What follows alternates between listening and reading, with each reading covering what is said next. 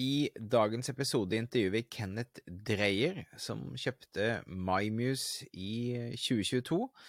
En nettbutikk som var på vei nedover, og han deler hvordan han har klart å snudd skipet, og hvordan man skal bygge en lønnsom nettbutikk. Så masse godbiter.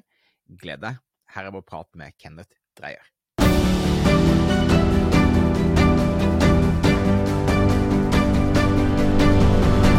Ok, Kenneth. Første jeg er veldig nysgjerrig på, det er den prosessen før du valgte å kjøpe denne nettbutikken.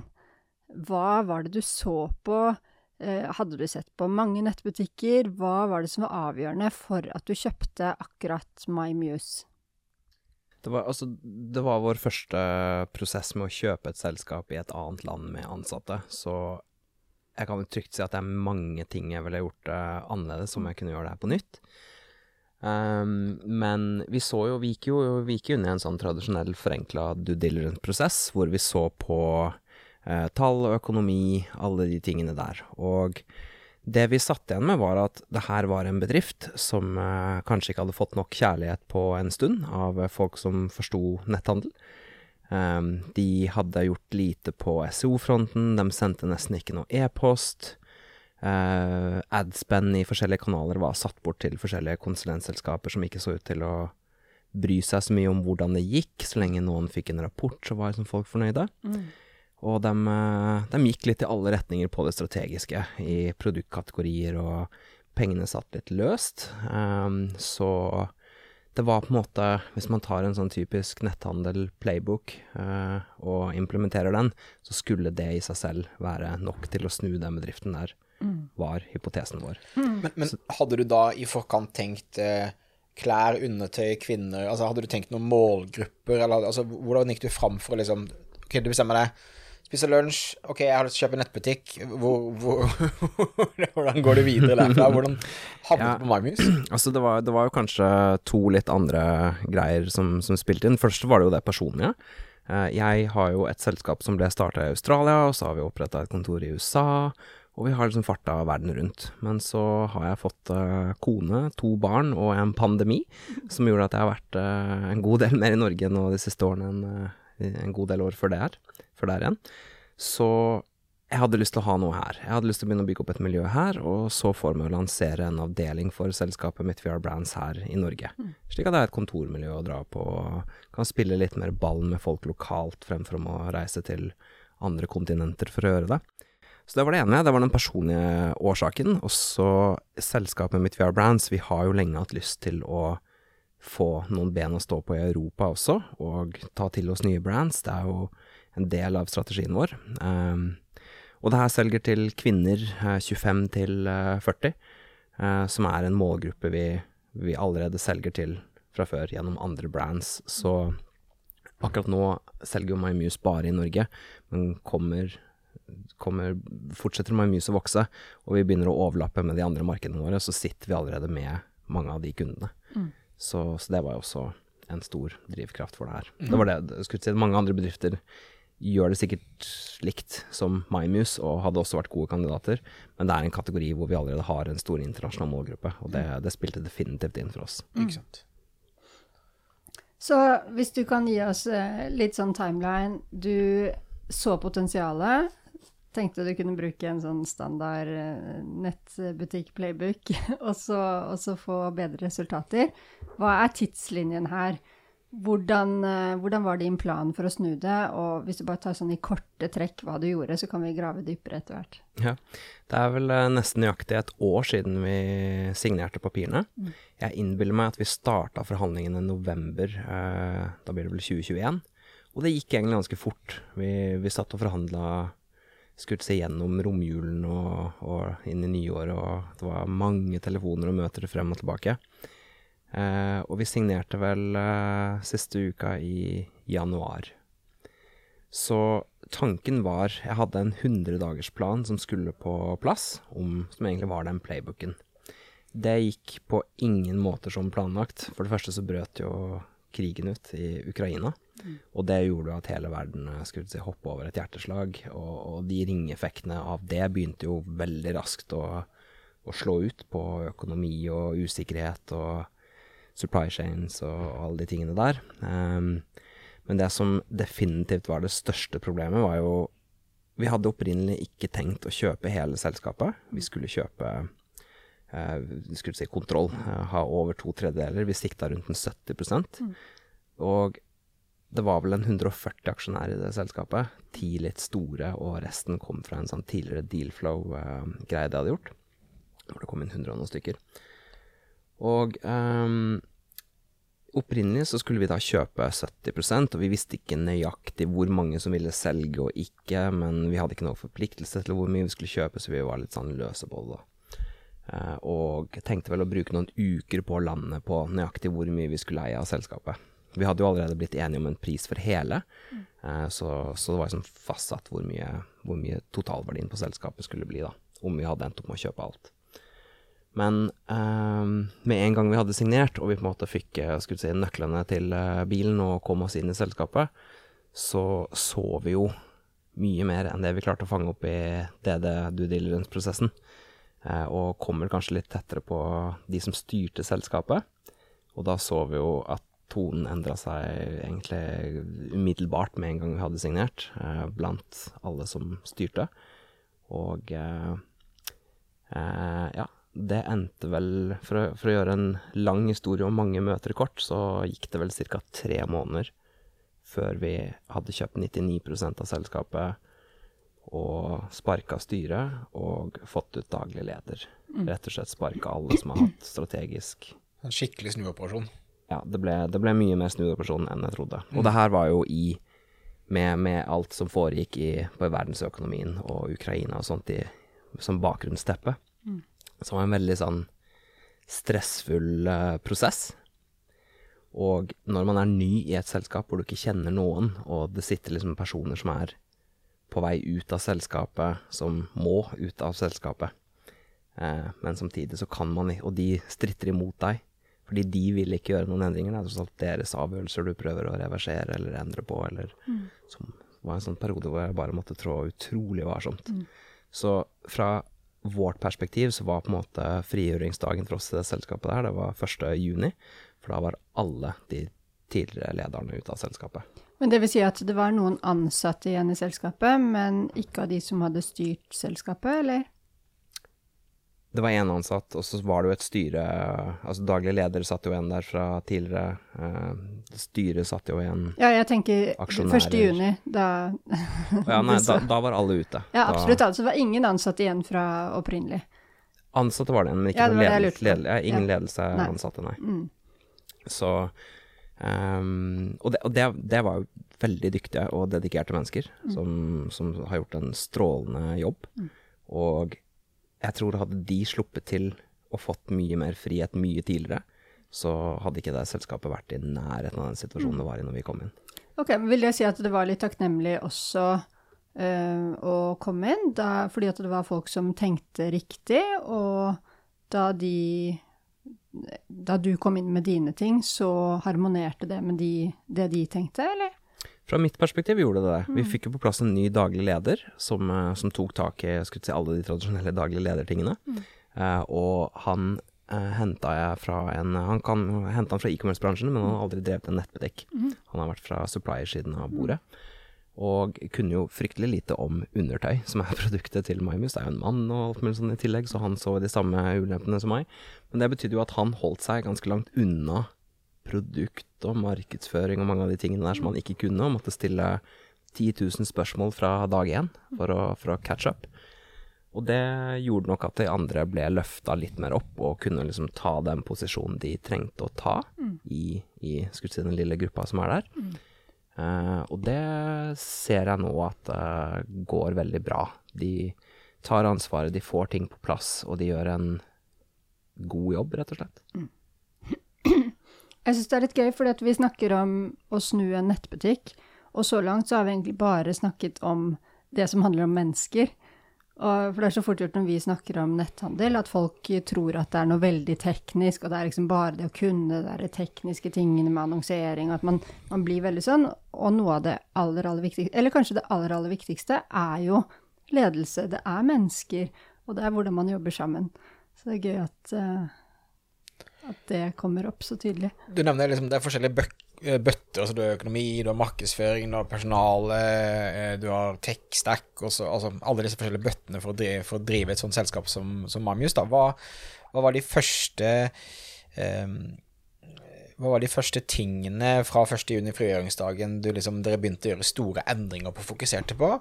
Og eh, også da Vi har jo lyst til at eh, de som lytter på, skal lære litt av hva kan de se på av tall eh, i sine egne virksomheter, som da på en måte eh, røde flagg til om noe kan jobbes med eller ikke. Hva slags liksom, parametere brukte du? Hva slags bøtter tok du først tak i, og, og hvordan avgjorde du om det, hvilken bøtte du begynte å fokusere på? Så um, jeg er veldig fan av at man uh, stoler mer på gut-feelingen sin og går litt bort fra tall. Og jeg tror liksom Når jeg kom inn, så satt alle, følte jeg, og kunne veldig lett pinpointe hva som var bortkasta tid, bortkasta ressurser i bedriften. Og det de trengte, var bare en, kanskje en ny leder da, som kom inn og sa ja, da kutter vi det, da. Da gjør vi mindre av det.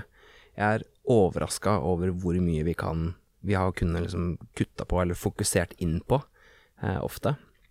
Om prioritering av ressurser og fokus, rett og slett. Eh, og, og, for øvrig så har jo det ført til at i resten av VR Brands-organisasjonen så har vi jo prøvd å liksom se det gjennom samme objektiv som vi så My Music, bare gjør vi egentlig veldig mye dumt? Kaster vi bort mye tid på ting som kanskje funka bra for to år siden, men som nå bare er bortkasta tid? Og det er jo så fryktelig mange sånne ting. Det er så mange av de eksemplene der ute hvor ting bare tikker og går i bakgrunnen, men det er ikke en stor nok uh, flamme ennå til at noen tar tak i det. Gamle vaner, rett og slett, som egentlig ikke har noen nevnverdig verdi lenger. Og kanskje det ikke er noe stort tap heller, og da, da, tar ikke folk tak i de tingene der. Har du noen eksempler på hva det var?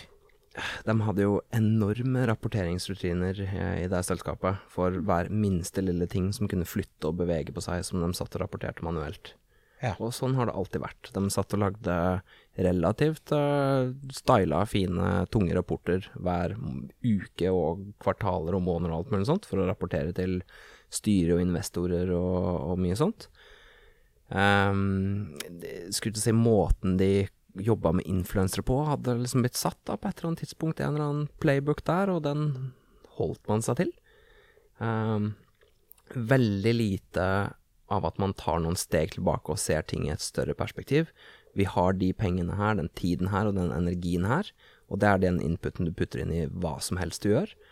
Og alt, alle de tingene her er jo begrensa. Så man er nødt til å liksom se alt man kan gjøre, og kanskje ta noen tøffe valg på hva som lukkes ut. da. For vår del så var det mye fokus på produktkategorier som, som måtte kuttes. Um, da sparer vi jo både penger og mindre photoshoots og mindre alt, egentlig, når du kutter på produktlinja, og heller fokuserer på det som faktisk selger, istedenfor å på liv og død skal pushe inn i nye kategorier. Mm. Um, mange av aktivitetene de holdt på med på markedsføring, var i beste fall bare OK, og det ser jeg nesten ikke noe poeng med å fortsette med. Enten så må ting skaleres opp, eller så må det bremses ned og mm. avlives. Det er ikke noe vits å Så mange satt rutiner og prosesser på hvordan man har gjort det hele veien, som man har da fulgt istedenfor å ha hatt den friheten som du er kanskje inne på helt i starten, til å utfordre og tenke større på Altså, så istedenfor å gjøre det Man gjør hver dag det man egentlig alltid har gjort, istedenfor å tenke kan man gjøre det på en smartere måte, eller kanskje ikke har fått lov til å tenke ja. de. Jeg ser et fenomen eh, også i våre egne selskaper hvor uh, Kanskje hvis noen blir ansatt for uh, fire år siden, så var det jo en eller annen jobb, jobblisting, skulle si en uh, arbeidsbeskrivelsesstilling eller hva det blir på norsk, de svarte på. Og der er det remsa opp masse ting de skal gjøre og har ansvar for. De folk går ikke så veldig langt bort fra den jobbeskrivelsen. Man har en tendens til å bare suge til seg det som står der, ja. og det er det du gjør tre-fire år senere også. Mm. Men det funker jo ikke i den bransjen vi er i. Der blir du ansatt som influencer manager og skal styre de greiene der. Eh, den måten du gjorde det på for tre år siden, er jo helt annerledes fra måten du gjør det på i dag. Det er jo ikke en ting nesten som henger igjen fra for tre år siden. Mm. Og sitter du fortsatt og gjør det samme, da gjør du noe feil. Mm. Altså jeg føler en sånn uh, motsetning her, fordi at når man er flink til å lage rapporter og da studere resultatene ukentlig, så burde man jo ha den dataen man trenger for å se at ok, dette funker ikke spesielt bra, dette funker bedre. Da, for neste skritt fra rapportering er jo å faktisk gjøre endring. så, så det bare Det henger ikke helt sånn på greip. Men de stoppet ved rapportering, og så var det bare nå er det rapportert, og så Mm. gjør vi det samme. Hvis du tenker det sånn at en bedrift tracker kanskje på tvers over fem-seks ansatte, eller hva det var da, eh, pluss styret hva nå enn de fulgte med på La oss si det er 100 metrics og KPI-er og alt det er de fulgte med på. 50-100 ting. Og så har du kanskje 10-15-20 av dem, og halvparten av de er røde, for det går dårlig. Hva tar du tak i da? Mm. Jeg, jeg, jeg, hadde, jeg hadde blitt overwhelmed selv. Jeg hadde ikke visst hvor jeg skulle starte. Så nå har vi fem vi tracker. Og Hva er de metricsene dere trekker nå? Sessions, conversion rate og average order value, for de kan du slå sammen til å få omsetningen. Jeg er ikke noen sånn superfan av den egentlig, men den er den definitivt enkleste som alle kan få til å hente ut med en hvilken som helst selv dårlig nettbutikkløsning. Ja. Og returgraden og, og discountgraden. Den siste, altså rabattkodebruk, ehm, den, den er bare fordi det har MyMuse vært for aggressive på, så det er et tall jeg vil ha ned. Hvis ikke hadde det bare vært fire ting vi tracka på. Ja. Kjempe uh, innsiktsfullt. eh, og, og, alle vikt, viktige tall som jeg tror alle bør være veldig, um, veldig klar over. Og det- det virker også da som at det var den markedsføringsbøtten du tok egentlig raskest tak i, da, altså mest tak i i starten, for å liksom gi folk makten til å tenke annerledes og gjøre ting på en smartere måte og jobbe som det året de jobber i nå, istedenfor når de fikk jobben. Markedsføring var kanskje den nest største tingen vi tok tak i, men det var en annen ting som tappa det selskapet for mer penger. Så hvem, hvem vil du starte på? Start med den uh, viktigste. For det selskapet her, så var jo det innkjøpsrutinene deres. Jeg husker ikke nøyaktig hva formelen var, men det var en satt formel. da. Hvis de forventa at de skulle tjene f.eks. 1 million kroner en måned, så dikterte det hvor mye inventory de kjøpte inn den måneden der. Hvis det salget ikke gikk som det skulle, så hadde det ingen konsekvens for neste måneds eh, innkjøp igjen. Det var på en måte en flat formula. La oss si det var 30% av forventa omsetning. Gikk salget over forventninger, så hadde det heller ingen skulle si Det var ikke noe lærdom som ble tatt med inn i neste måned. Så et tolv måneders eh, budsjett som de var kjempeflinke til å jobbe etter. Eh, Det satte hvor mye som skulle kjøpes fra måned til måned. Så Selvfølgelig de gjorde litt justeringer innenfor hva som ble kjøpt for de- det budsjettet, men det var ganske fastsatt. Og da hopa det seg opp veldig mye inventory på, på lageret.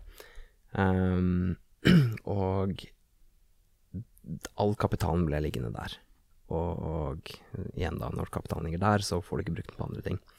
Og så oppdaga jeg et fenomen som jeg har begynt å se andre steder også. Vi har, vi har valgt å bare kalle det kampanjetoget. Det er et tog som går Det er et, eh, en analogi, da. Det er et tog som går gjennom selskapet. Det skal stoppe på stasjon og dra fra stasjonen igjen på de tidspunktene her. Det er jo lansering av kampanje og skulle til å si slutt på kampanjen varene som ikke ble solgt, det som ikke ble gjort, det som ble glemt, det som Ja, når toget går, så går det. Og det kommer aldri tilbake på den stasjonen her igjen i, i kampanjeverden, i kampanjetoget. Og kampanjetoget har jo alltid veldig strenge deadlines, for det er den dagen så skal det her lanseres. Det, det er ikke noe annet valg. Om vi ikke er klare, så må vi fortsatt lansere. Ofte så er det jo eksterne parter som er involvert og sånt. Og hvis du da sitter der og prøver å være litt advokat for uh, søkemotoroptimalisering, eller at nå må vi lage en bedre e-post-flow, eller jobbe med litt konverteringsoptimalisering på nettsiden, så får du jo ingen ressurser i et lite selskap, for det er kampanjetoget, hvor som har en deadline, som har eksterne parter, som alltid kommer til å skrike høyest og suge til seg mest mulig ressurser. Så aldri mulighet for langsiktige prosjekter for det at kampanjetoget dikterer hvor ressursene skal brukes. Ja, kampanjetoget er det eneste som på en måte har datoer og rutiner og deadlines sett. Og derfor er det alltid der det er skulle si Det er bare automatisk at alt av ressurser og fokus går på kampanjetoget. Ja. Og når du gjør en dårlig jobb med å styre det toget, så ender man opp med å få for mye varer på lageret og bli for avhengig av at det toget fortsetter å kjøre. Ja. Det blir jo da om til et discount-tog etter hvert, og da har du plutselig et helt annet problem å forholde deg til. Interessant. Så det var liksom det første, første vi så, og så jeg begynte jo bare å, å kutte veldig på innkjøp og prøve å snu, få på plass nye modeller for hvordan vi skulle regne, hva, regne på hva vi kjøper. Det er fortsatt noe vi holder på med, for øvrig. Det har aldri vært min sterke side, så det var liksom noe litt nytt for meg å måtte kaste meg over. Men nå er det jo mye mer behovsbasert, hvor vi prøver å ta det derfra, og har brukt mye mer tid på å se hva har vi egentlig liggende på lageret fra tidligere togstasjoner, skulle jeg si, som vi nå kan ta ut på nytt igjen. Um, og det lagerbeholdningen har gått ganske mye ned etter vi begynte med de prosjektene der. Fortsatt masse å, å gå på der. Um, men uh, det var definitivt den første store tingen som vi bare så slukte penger ut av selskapet. Mm. Og det de hadde en tendens til å gjøre før, når toget hadde gått fra stasjon, og det satt igjen masse varer igjen på den stasjonen, det var jo å discountere. Mm. Og da, da, er du som mindre enn uh, race to the bottom. Um, markedsføring var jo den andre. Facebook var jo bare en enorm utgiftspost hver måned som egentlig ingen hadde noe anelse om hvordan det gikk med. Og var det nye eller gamle kunder som kom inn der? De bare satt og tracka litt metrics, og selv de så jo ikke bra ut. Men da kan jeg spørre deg, fordi at du sier at nå måler dere bare fire eller fem ting. Og uh, det var sessions, average order value Conversion rate. Conversion rate. Og nye kunder? Nei. Repeat buyers? Sessions, conversion rate, average order value, returgrad og discount. Og discount-prosent, ja. ja. Altså, Vi har jo analyseverktøy. Vi bruker Triple Whale f.eks., mm. hvor vi tracker vel masse. Mm. Men det er ingen tall der som er assigna til noen, hvor de skal gå inn og rapportere de opp og legge dem inn i en felles rapport. Og vi skal Nei, snakke sånn om det i manuelt, mandagsmøter og sånn. Ja. ja, for det er bare det der å klare å bruke analyse, se på Facebook-annonseringen med detaljer der, da, for å bli klokere. Nødvendigvis så er det akkurat det du har gjort for å se at dette funket ikke spesielt bra. Så bare sånn at de som lytter nå, ikke tenker at ja, men jeg trenger bare å tracke de fem tingene, så har jeg en velfungerende nettbutikk. Jeg går ut fra at dere ser på litt flere ting også, når dere vurderer markedsføringen i de forskjellige kanalene, f.eks. For eksempel, da. Det er klart vi gjør. Og hvis en av de fem er off, så må du jo inn og dypdykke. Mm. Men da er det ikke Jeg skulle ikke si Return on adspend er kanskje noe jeg følger litt ekstra med på om dagen, selv om ikke det er noe jeg kommuniserer så mye til alle de andre i selskapet. De bryr seg nok ikke like mye om hva return on adspend er på Meta sin annonsering akkurat nå. Uh, men jeg og han uh, stakkars fyren som drifter uh, de kampanjene for oss, han, han, må være på ballen der, og mm. han vet at jeg er på ballen. Mm. og da, da, bruker jeg Triple Whale til det. Mm. Men med en gang jeg ser at han i over en lengre periode har gjort en god jobb der, så vil jeg nok bare si, si fra hvis det her ikke går bra lenger. Mm. Hva er en OK return on ad spend for dere, da? Fem. Fem, ja. Jeg liker å ligge på rundt ja. fem. For både nye og gamle kunder, skiller du på det, eller er det liksom Vi skiller jo på det, ja. uh, men det letteste er ofte bare å regne ett jo, tall på tvers overalt, og keep, da, keep da, liker jeg å ligge rundt uh, ja, fire og en halv, fem syns jeg er bra. Uh, der har vi ligget en stund. Nå I dag var vi nede i 3,8. Så da sendte jeg ut en Slack-melding og sa nå må vi fikse den her før vi skalerer oppover. Ja. Men for to uker siden så ga jeg en hva skal jeg si, skaleringsordre og sa at nå må vi ha mer. Ja. Da, da, lå den på seks, tror jeg. Så det går litt sånn i rykk og napp. Mm. Hva slags kanaler er det det markedsfører dere på, da? Altså plattformer? Du, du nevnte Facebook, eh, eller Meta som vi nå lærer oss å kalle det. Hva, ja. hva hva slags andre plattformer kjøper det trafikk fra? Meta er jo definitivt den største, og også der det går definitivt best for oss akkurat nå. Ja. Eh, TikTok eh, holder vi på og bygger oss opp på. Vi har ikke veldig stor spenn der nå, og return on that spenn ligger under to. Eh, men veldig fin plattform å drive med kreativ testing. Og jeg, har, jeg, tror vi skal klare å få den til å, til å komme over tretallet, som, som er min sånn break-even-punkt når du inkluderer alt det som er vanskelig å inkludere i et nøyaktig regnestykke. Ja. Eh, så jeg tror vi skal klare å få til det i løpet av en måned eller to. Mm. Bruker dere disse plattformene organisk også, eller er det hovedsakelig betalt som dere legger tid og penger i? Akkurat nå gjør vi veldig lite organisk. Mm. Organisasjonen var ikke rigga for det når, eh, når, vi kom inn, og jeg har prioritert å ta de tingene som, som er mer matematisk eh, teknologisk, rasjonell tankegang på enn kreativ, for det er det som er min styrke. Mm. Men vi skifter veldig mye fokus over på det kreative nå, som er det du trenger for å gjøre det bra i de organiske kanalene. Mm. Men playbooken der er jo veldig annerledes. Det er jo ikke noe til å si man bare kan sitte og da, Skal man gi råd der, så blir det jo veldig simple truism-råd. Gjør det riktige for målgruppen din. Skriv engasjerende innhold. jo, takk. Um, det er veldig vanskelig, men det lille vi har gjort, ser vi jo at har hatt god traction, og det kommer jo bandet til til å være si, mer menneskelig, og ikke følge så mye av de tradisjonelle playbookene og gjøre det samme som alle andre. Man må klare å skille seg litt ut. Det er jo interessant, da, for det veldig mange av de mindre butikkene jeg snakker med, bruker nesten all energien sin på organisk, og har kanskje ikke helt kontroll på eller om det funker eller ikke funker. Um, og det jeg tror jeg kommer fra samme liksom, hodeinnstilling som deg. da, at det, Først må du plugge på noe der du kan kontrollere at det er lønnsomt, det du bruker tiden og pengene dine på, som typisk er betalt annonsering, og så bygge på på organisk etterpå.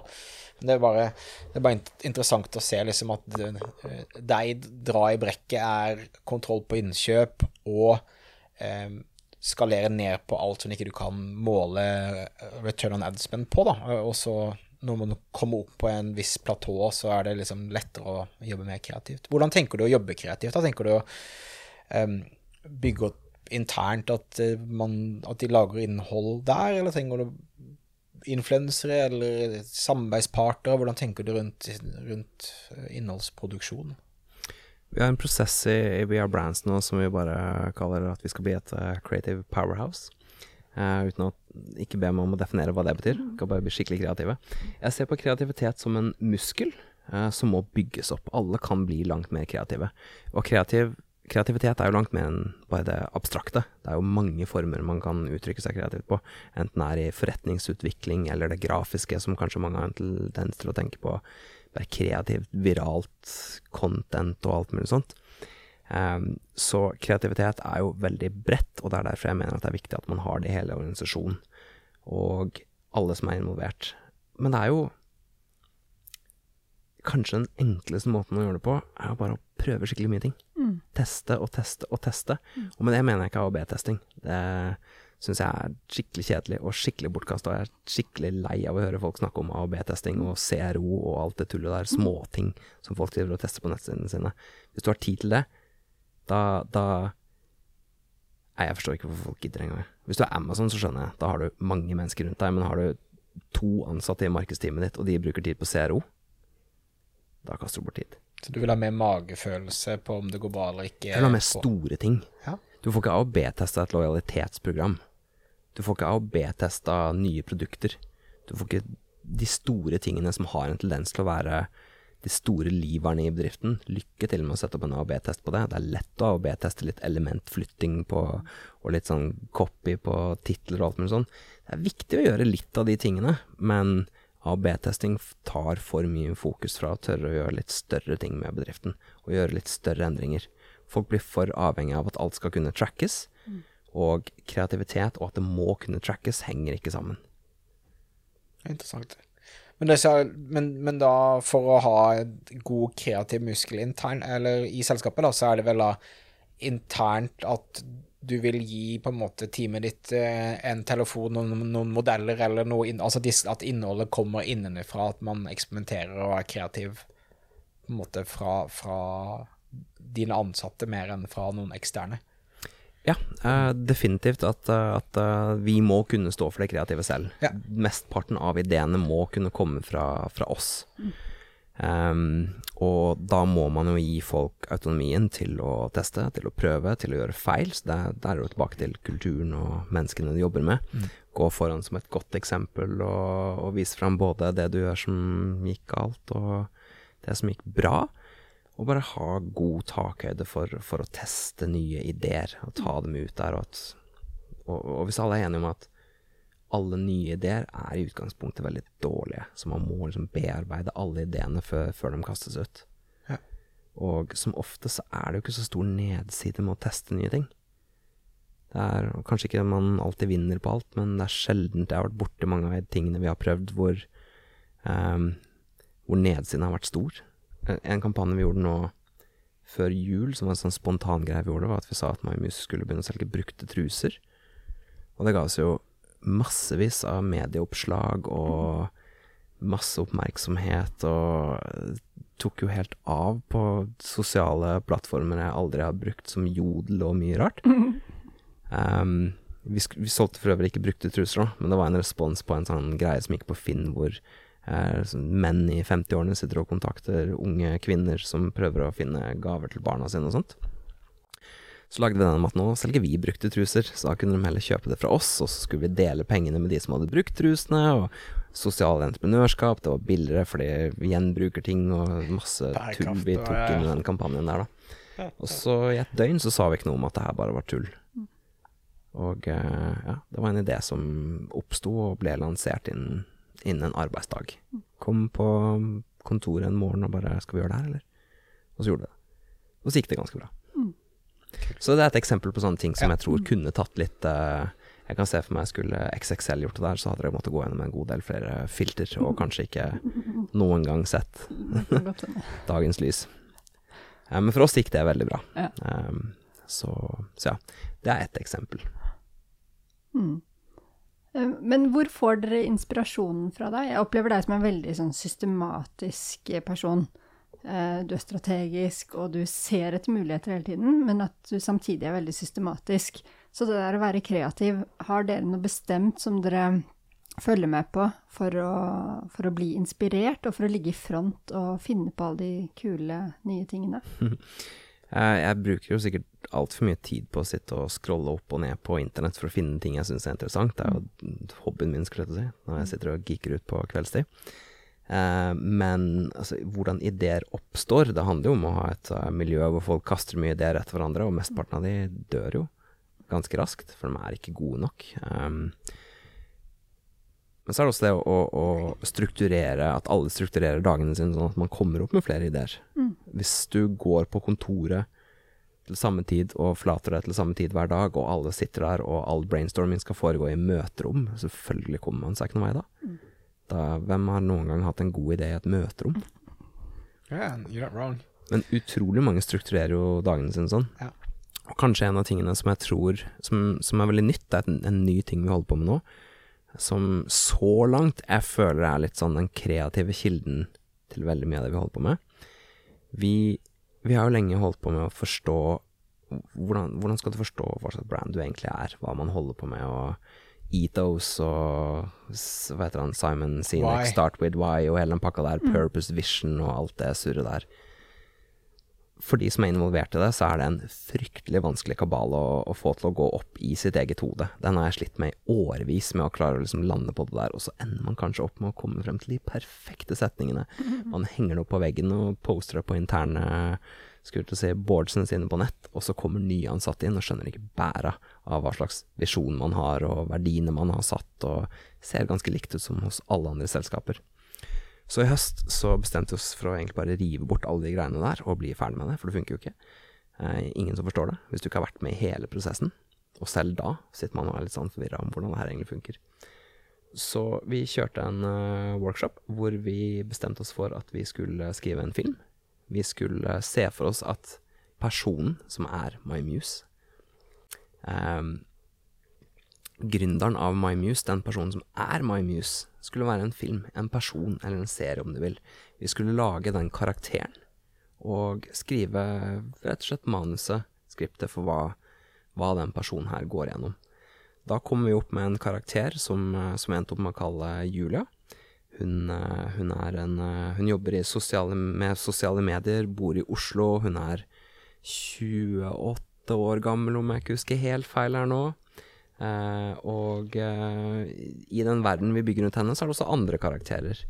Han, han som var motparten vår i den brukte truser-kampanjen, han kalte vi Roger. Han er eh, 52 år fra et eller annet sted utenfor Trondheim og sitter mye på internett og er sur.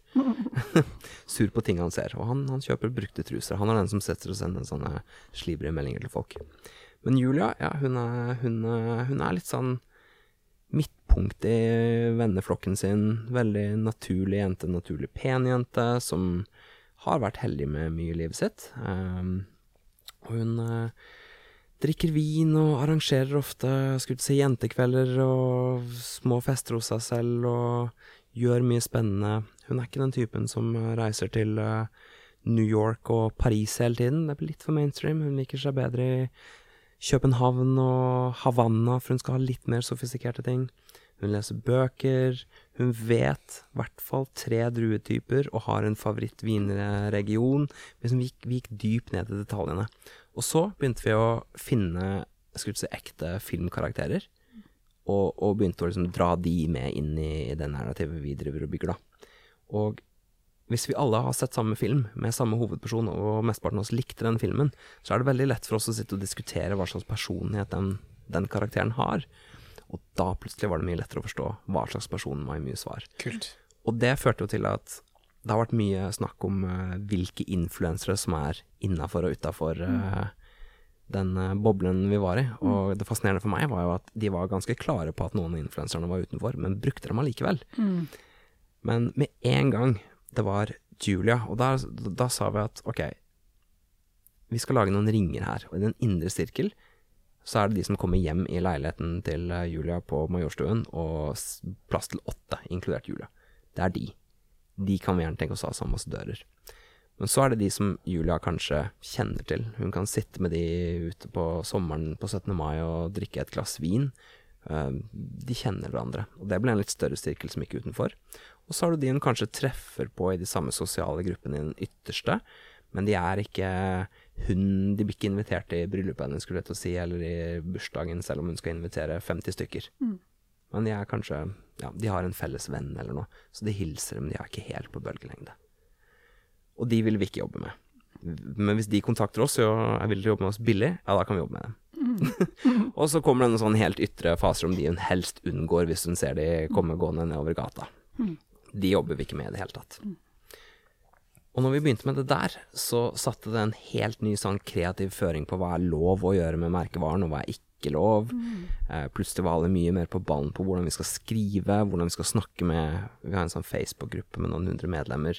Hva vi skal slippe ut der, hva vi skal kommunisere der. Julia hun sender ikke den e-posten her. Hun hadde ikke gjort det. Sånne diskusjoner kommer nå Kult. daglig på kontoret, så alle har liksom begynt å få et veldig tydelig bilde av hva hvem Julia er. Og jeg kommer ikke på noen eksempler, men jeg har sett ofte at det er mange bedrifter der ute som bare gjennomsyres av at det er en veldig synlig gründer.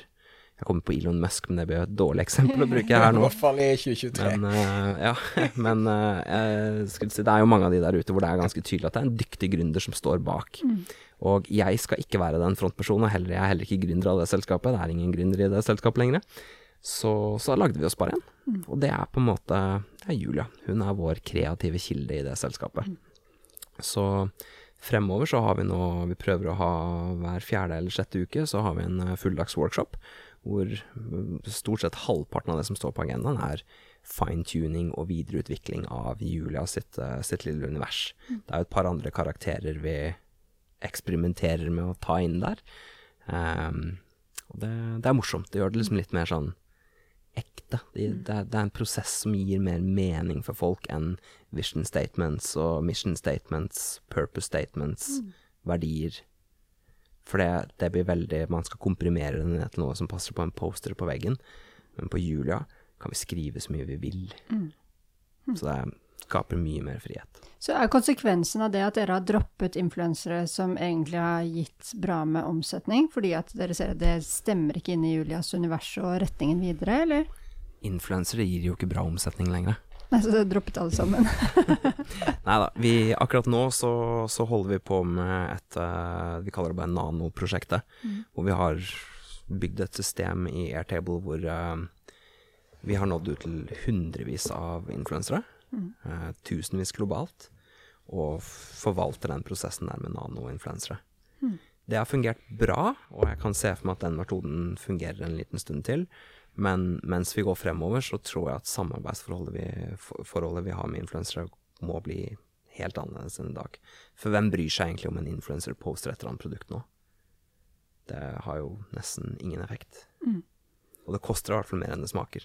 Så når du sier nanoinfluensere, altså er det et kjent begrep?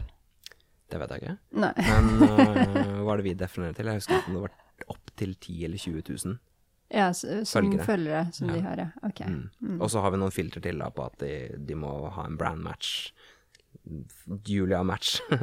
Eh, at de må ha litt engasjement, og vi tester det mot sånn falske sånn automatiske skannere vi har som sjekker at det ikke er falske følgere og alt det der. Mm. Eh, Så de må fortsatt gjennom et sånt filter. eh, Og eh, jeg vet ikke hvor mange vi har. Jeg har jobba med en 200-300 sånne det siste halvåret, kanskje. Her i Norge. Mm. Du sa før vi begynte å rulle at um, du så deg sjøl som sterkest, og liksom din hovedrolle er strategidelen, altså sånn high level. Um, strategi, vekst, innovasjon, hvor, hvor er man på vei henne? Um, hvordan, hvordan jobber du med det? Og også gjerne litt hvordan du ser Hvor, tror du vi er på vei henne nå i forhold til netthandel? Det er et uh, stort spørsmål. Ja. Så jeg har bare over årene utvikla meg en, eh, en eh, loop, rett og slett, hvor, som bygger i stor grad rundt OKR. Hver tredje måned så lanserer vi noen nye targets, mål. OKR-er, eller hva du enn vil kalle det for noe. Stav, ja, ikke sant? Stav det ut, holdt jeg på å si. OKR, for det er ikke alle som er fortrolige fortrolig med begrepet. Nei, objectives and key results. Det er vel rett og slett at man setter seg et objektiv som at vi skal bli best i Norge på kundeservice, eller kanskje ikke noe så stort som det, vi skal bare bli bedre på kundeservice. Og så setter man noen spesifikke sånn målbare key results under, som at vi skal svare på 80% innen 12 timer, og vi skal ha en eh, fire av fem st- hva heter det, feedback rating på de henvendelsene vi får, for eksempel. Eh, og så over tre måneder så legger man kanskje inn litt sånn ekstra effort for å finne ut av hvordan man får til de endringene her, hvis det man har ligget under, da.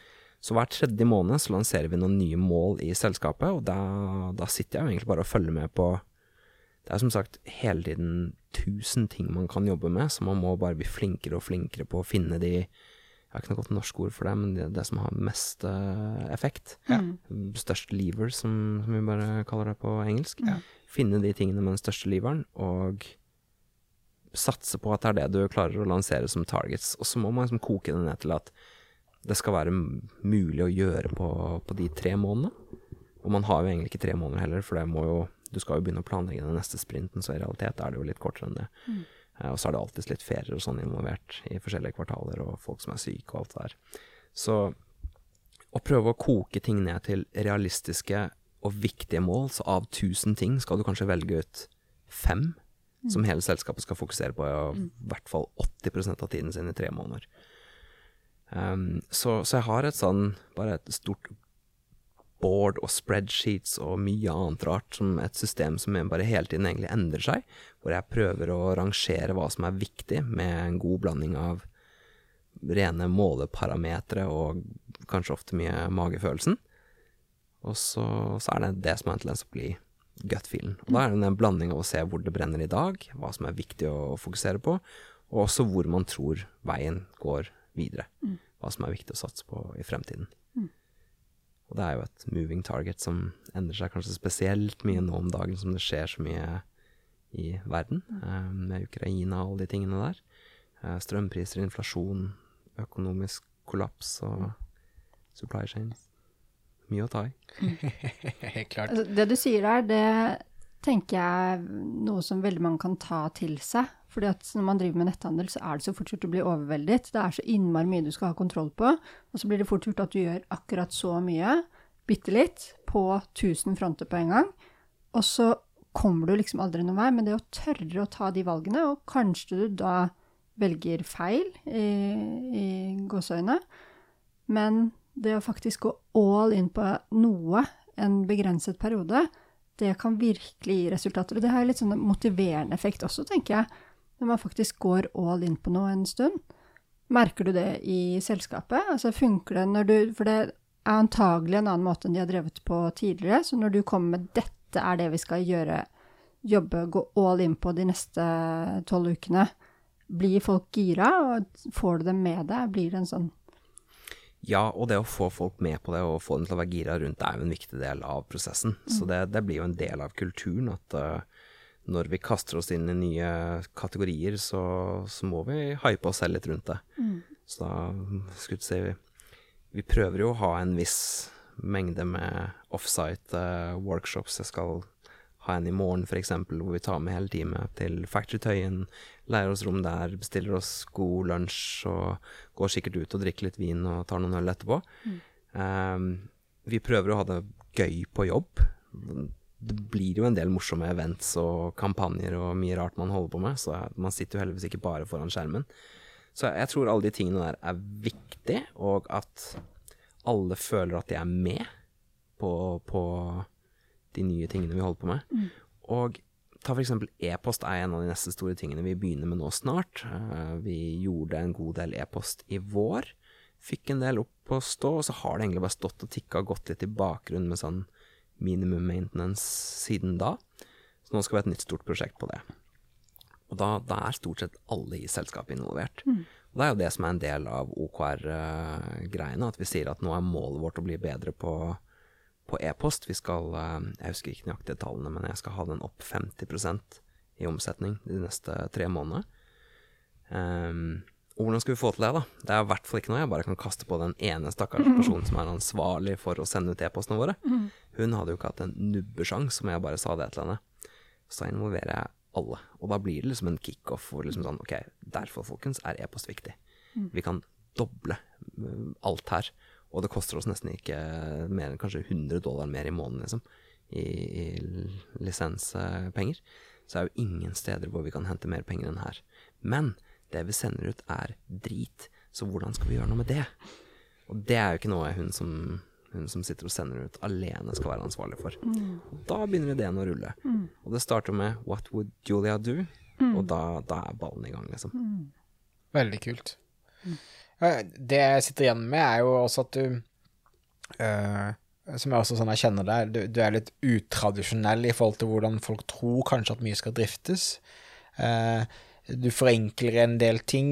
Du gjør det lettere å forstå hva som skal fokuseres på. Du gjør det lettere å uh, skjønne hvordan man skal kommunisere til. Altså denne øvelsen med å skape en egen filmkarakter, og så, og, og så videre.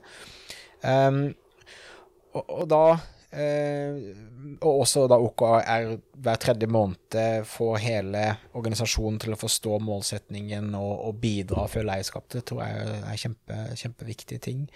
Hvor eh, håper du at selskapet er om en tre år? Hva, hva er liksom hva er, Har du noe langtidsplanstrategi, eller er det mer sånn at hver tredje måned så er det nå er vi faktisk klare til å gå inn i Sverige igjen, f.eks.? Eller altså, hvordan, hvordan, styrer du det i forhold til, til vekst og andre markeder og den, den type ting? Eh, nå er det jo mye som skjer eksternt, som liksom dikterer litt tempo på alt vi gjør, ja. med alt det som foregår i resten av verden og økonomien og sånt. Eh, det har jo satt oss litt tilbake her og der. Man må holde litt mer på pengene og trå litt mer varsomt. Men jeg håper at jeg skal klare å lansere MyMuse i Sverige, om det så blir en eller annen form for soft-lansering i Q2 eh, neste sesong. Det skal jo egentlig ikke være så vanskelig, det er jo bare å begynne å shippe, er det ikke det? Jo.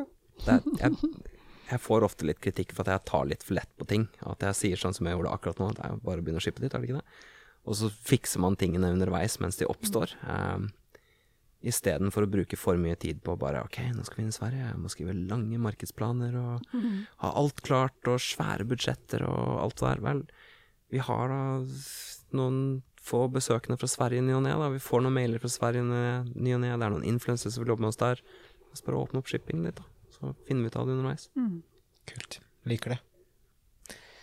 Eh, har du noen spørsmål på slutten, Marte? Ja, jeg skulle, gjerne, jeg skulle gjerne hørt deg bare tenke litt om fremtiden. For du kan jo alt det derre eh, netthandelshåndverket, og vi har snakket om e-post, du har nevnt søkemotoroptimalisering, vi har vært innom alle disse begrepene. Men verden forandrer seg jo, og vi har blant annet det som heter AI, som kommer inn. Og det er noen sånne uh, ting som mange føler er helt umulig å forholde seg til, fordi det virker så abstrakt, og det er så langt unna nettbutikkhverdagen, da, der man sitter og skal legge ut de produktene og skrive den e-posten og sånt noe. Så jeg er bare litt nysgjerrig på hvordan du forholder deg til utviklingen som faktisk skjer på nett, om du har noen tanker rundt det i forhold til MyMuse? Det som skjer på nett, og, og, hvor vi går i fremtiden Det ene blir jo en underkategori til den andre, som er et veldig stort tema, hvor vi skal i fremtiden. Eh, hva som skjer på nett, og av trender og sånt der, så vil jeg jo definitivt si at det skjer fryktelig mye på teknologifronten. Det er liksom en av de tingene som eh, nesten skremmer om dagen, hvor mye som skjer på kunstig intelligens, AI og sånt. Det bruker jeg kanskje mer enn Google nå. Eh, og masse små integrasjoner mot bedriften, og veldig mange ting som ligger i pipeline som, som vi eksperimenterer med. Jeg syns det er fascinerende at jeg kan laste opp masse informasjon uh, om bedriften vår i Playground til OpenAI, og bare fortelle liksom sånn standardting, og så klarer den å overraskende bra, og bedre kanskje enn vi selv uh, klarer i de fleste tilfeller, og bare gi svar på 98% av de spørsmålene vi ser går igjen og igjen og igjen og igjen. Um, det er definitivt én ting. På automatisering av ting så ser jeg at det er fryktelig mye, og da tenker jeg nødvendigvis på logistikk og alle de tingene der, men hvordan data flyttes, hvordan man har sånne små følere, skulle jeg si, som bare sitter og følger med på én metric hvert sekund. Går den opp, ned, under, så må jeg kanskje varsle noen eller endre på noe. Flytte data mellom A og B, mellom plattformer. Vi bruker Airtable veldig mye, og det er kanskje den tredje tingen innen teknologi. Um, kunstig intelligens, innovasjoner, og den siste er uh, no code, low code-greiene. Uh, Airtable har bare blåst meg helt bort hvor mye man kan gjøre der. Um, vi flytter flere og flere av prosessene, systemene våre, over til Airtable nå. Um, hele influencer management-verktøyet vårt, som vi vurderte et annet et som het Grin, som jeg tror koster sånn 100 000 dollar i året. Stort sett alt vi trenger, får vi gjort i Airtable. Men Airtable, kan vi også bygge mye annet i. Vi har synkronisert mot hele Shopify. Det, er mye lettere å oppdatere masse produkter i Airtable. Det er mye lettere å forstå statusen på inventory, hva du, hvilke produkter du har glemt å skrive en god SO-tittel på, osv., osv i Airtable enn det er i Shopify. Mm. Og når du først har betalt det én gang, så kan du jo bygge flere applikasjoner på toppen av det. Det, det er den ene store trenden jeg ser, uh, med de tre skulle si, underteknologiene der. Jeg tror ikke så mye på krypto, blockchain, web3. Det tenker jeg er sånn Der kan man bare lene seg litt tilbake på nå og ikke bry seg så mye om en god stund til. De har mange egne filter og obstacles de må presse seg gjennom før det er verdt å se på det igjen. Og, ja, og, den siste er jo kreativitet. Her har jeg, nå har jeg sett i mange år at Ta Meta, da, eller Facebook som eksempel. Folk har snakka opp og ned om optimalisering og teste nye ting og alt mulig tullball man kan gjøre på den plattformen der. Men nå kommer det jo ned til at det er det kreative som, som avgjør det. Og det kreative er Det beste rådet man kan gi til flest mulig, da, er create good content, liksom. Og det er jo et skikkelig dårlig råd. Så, men det er jo allikevel det som er realiteten. Og da, da, må man liksom gå tilbake i røttene av seg selv og finne ut av ja, hvordan er jeg kreativ, da. Mm. Og så må man prøve det tusen ganger. Mm. Jeg liker å si at var det Mozart som komponerte 800 stykker, og de aller fleste klarer ikke å nevne én, men de kjenner kanskje igjen fem. Mm. Hvis de hører sangen og tror kanskje Mozart eller en av de gamle kjente. Så Og de fleste andre produserte jo ikke mer i løpet av levetiden sin mer enn 10-15 av de komponistene som var på den tiden. Så det var bare at de produserte ekstremt mye mer mm. enn alle andre. Warren Buffett han, har, han, er en av de rikeste i verden, men han har vært i den bransjen han er i, så utrolig mye lenger enn alle andre også. Han er jo 90 år gammel, så det handler bare om å ha gjort mest, flest input, skulle jeg si, over lengst mulig tid. Det er ofte kreativitet. Mm. Digger det. Siste spørsmålet. Nå kjøper du nesten nettbutikk? Jeg har ingenting i pipen nå. Nei? Men eh, er du liksom Er du, er du aktiv på leiting igjen nå, eller, eller føler du at du må liksom få sjøsatt Mammis mer før du Jeg har ingenting i pipen, og jeg er ikke aktivt ute og leter etter noe. Men kommer det et eller annet som virker veldig spennende, så skal det sikkert godt gjøres å holde meg igjen for å ikke gå for det. Ja. Ja, så hvis du har en uh, temmelig dårlig drevet nettbutikk som du tror har potensial hvis det kommer inn en flink type, så kan du ringe Kenneth. Jeg, jeg tror ikke jeg skal ta på meg en ny turnaround-case uh, i år, men uh, vi lanserte jo også i England nå i august med, gjennom en annen del av selskapet, så det tar litt tid. Uh, den neste store utfordringen jeg skal prøve å takle, er hvordan vi skal kunne bygge oss opp i et land hvor vi ikke har noe ledelse på plass. Mm. Så er det noen som vil snakke om det, så vil jeg gjerne høre det. den er god. Kjempebra. Tusen takk for tiden, Kenneth. Bare hyggelig, og tusen takk for at dere ville ha meg her.